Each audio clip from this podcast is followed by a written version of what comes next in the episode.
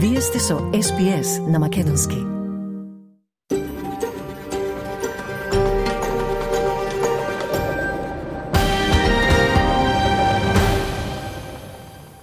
Така наречениот манифест за европскиот пат на Македонија на владеачките партии СДСМ и ДУИ деновиве е цел на вербални престрелки меѓу власта и опозицијата неполна недела пред почетокот на собраниската седница за уставни измени. СДСМ ги повика сите партии, особено ВМРО да ДПМН е да дадат поддршка на овој според партијата важен документ за европската иднина. Дарко Каевски, пратеник на СДСМ на пресконференција рече: Мицкоски ДПМН ја имаат можеби последната шанса да се престројат на страна на државните и националните интереси. Со поддршката на манифестот и на уставните измени ДПМН и Мицкоски на дело ќе покажат дека се за европската иднина на државата. Во спротивно, ќе покажат дека сите оние декларативни заложби за ЕУ биле само обичен блеф пред граѓаните, пред домашната и меѓународната јавност.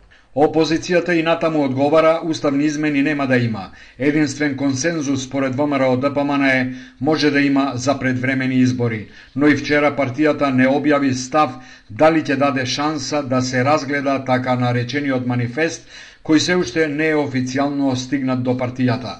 Во писмената реакција на оваа партија меѓу другото се вели – Знаејќи дека немаат двотретинско мнозинство за уставни измени, Ахмети и Ковачевски купуваат време со така наречениот манифест, документ напишан во штабот на ДУИ без никаква консултација со ВМРО ДПМНЕ и коалицијата, се вели во реакцијата на ВМРО ДПМНЕ. Седницата на која единствена точка на дневниот ред ќе биде предлогот за потреба од уставни измени е закажана за 18 овој месец на која ќе биде изгласан само дневниот ред. Седницата ќе продолжи дури откако владеачкото мнозинство ќе обезбеди двотретинско мнозинство потребно за да бидат одобрени измените. Огромен дел од младите во Македонија иднината ја гледаат во странство. Освен квалитетното вработување, ним им е важен квалитетот на образованието, социјалната политика, еднаквоста пред законите и така натаму. Ова беше констатирано на вчерашната конференција со наслов Младинските состојби и финансирањето на младинската политика во Македонија, што се одржа во Скопје. За 19 години младото население во Македонија исчезнува, покажуваат податоците меѓу двата пописа од 2002 и последниот во 2001. Апостол Симовски, директор на Државниот завод за статистика за новинарите изјави. Ако само споредиме дека во 2002 година, кога беше преходниот последен попис, имаше 2 милиона и 20 илјади жители, а денес имаме 1.837, ако не се лажаме бројката, ние имаме веќе намалување за 200 и нешто илјади население. 6% од младите ги нема велат анализите од младите и пописот на населението и финансирање на младинската политика. Дона Костуранова, директорка на ВФД за Македонија, рече. Она што го гледаме е дека пописот потврди многу предпоставки, а тоа е дека населението во државата старее и ние имаме се помалку млади луѓе. Ако во 2002 во државата една четвртина од населението биле млади, сега тој број е паднат само на 18 од 100, односно помалку од една петина од населението. Сите општини во Македонија ги губат младите, единствена општина која бележи зголемување од 2% е Липково. Петар Барлаковски, председател на Младинскиот образовен форум, рече. Македонија има сериозен проблем кога станува збор со младинската емиграција, задржување на младинското население, меѓутоа општо старење на самото население.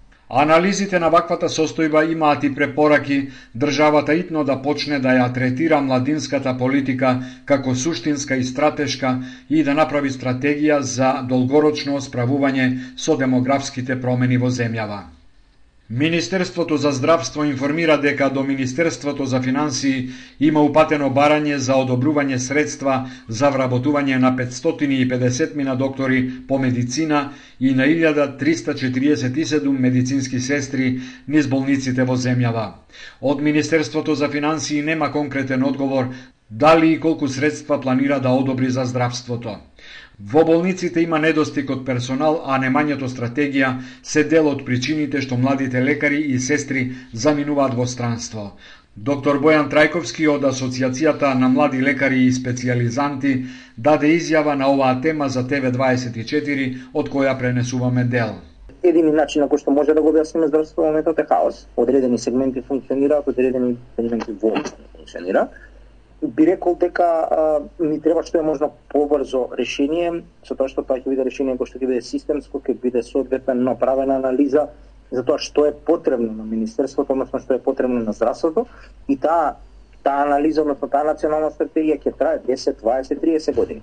Токму поради долгите административни процедури за вработување во здравството, министерот за здравство Фатмир Меджити најави дека ќе се залага да не се чека одобрување од Министерството за финансии за да се пополнат испразнетите работни места во болниците. Од друга страна, Министерството за внатрешни работи објави вчера јавен оглас за вработување на 600 нови полицајци. Рокот за доставување на пријавите изнесува 15 дена сметано од денеска. Ненавремената и непотполна документација нема да се разгледува, соопштува МВР. 100 души припадници на армијата вчера заминаа за Словенија, каде што треба да помогнат во санирање на последиците од невремето што ја зафати оваа пријателска земја. Помошта беше побарана од страна на Словенија преку НАТО. Припадниците на армијата ќе останат во Словенија 30 дена. Македонија, како и досега, продолжува да се става на располагање и солидарно учествува во разни хуманитарни мисии и акции Во погодени подрачја од природни непогоди и катастрофи се наведува во соопштението од владата. На 72 годишна возраст почина актерката Катина Иванова, која повеќе од 4 децении беше дел од Македонскиот народен театар. Иванова беше родена 1951 година. Има остварено бројни доминантни улоги во над 45 театарски представи и во неколку филмови, од кои најзабележителна и беше улогата во филмот Gypsy Magic. Добитник е на наградата за најдобро театарско остварување на фестивалот Театарски празници Благоевград, Бугарија, за улогата на Мек во представата Роден ден и наградата на ревијата Екран за улогата на Ревзија во филмот Gypsy Magic 1997 Зоолошката градина на град Скопје вчера потврди дека официјалните резултати од обдукцијата покажуваат дека трите сортни коњи што починаа неодамна во зоолошката градина се отруени со брзоделувачки отров. Резултатите од обдукцијата се доставени во МВР и во Агенцијата за храна и ветеринарство за натамошно постапување. Зоо Скопје поднесе и официјална кривична пријава, а посторителот активно се трага и се проверуваат сите снимки од безбедносните камери. Ваквиот срамен и кукавички чин силно го осудуваме и апелираме до МВР и обвинителството да постапат што е можно побрзо со цел санкционирање на сторителот, се вели во сообштенијето од Зоолошката градина Скопје.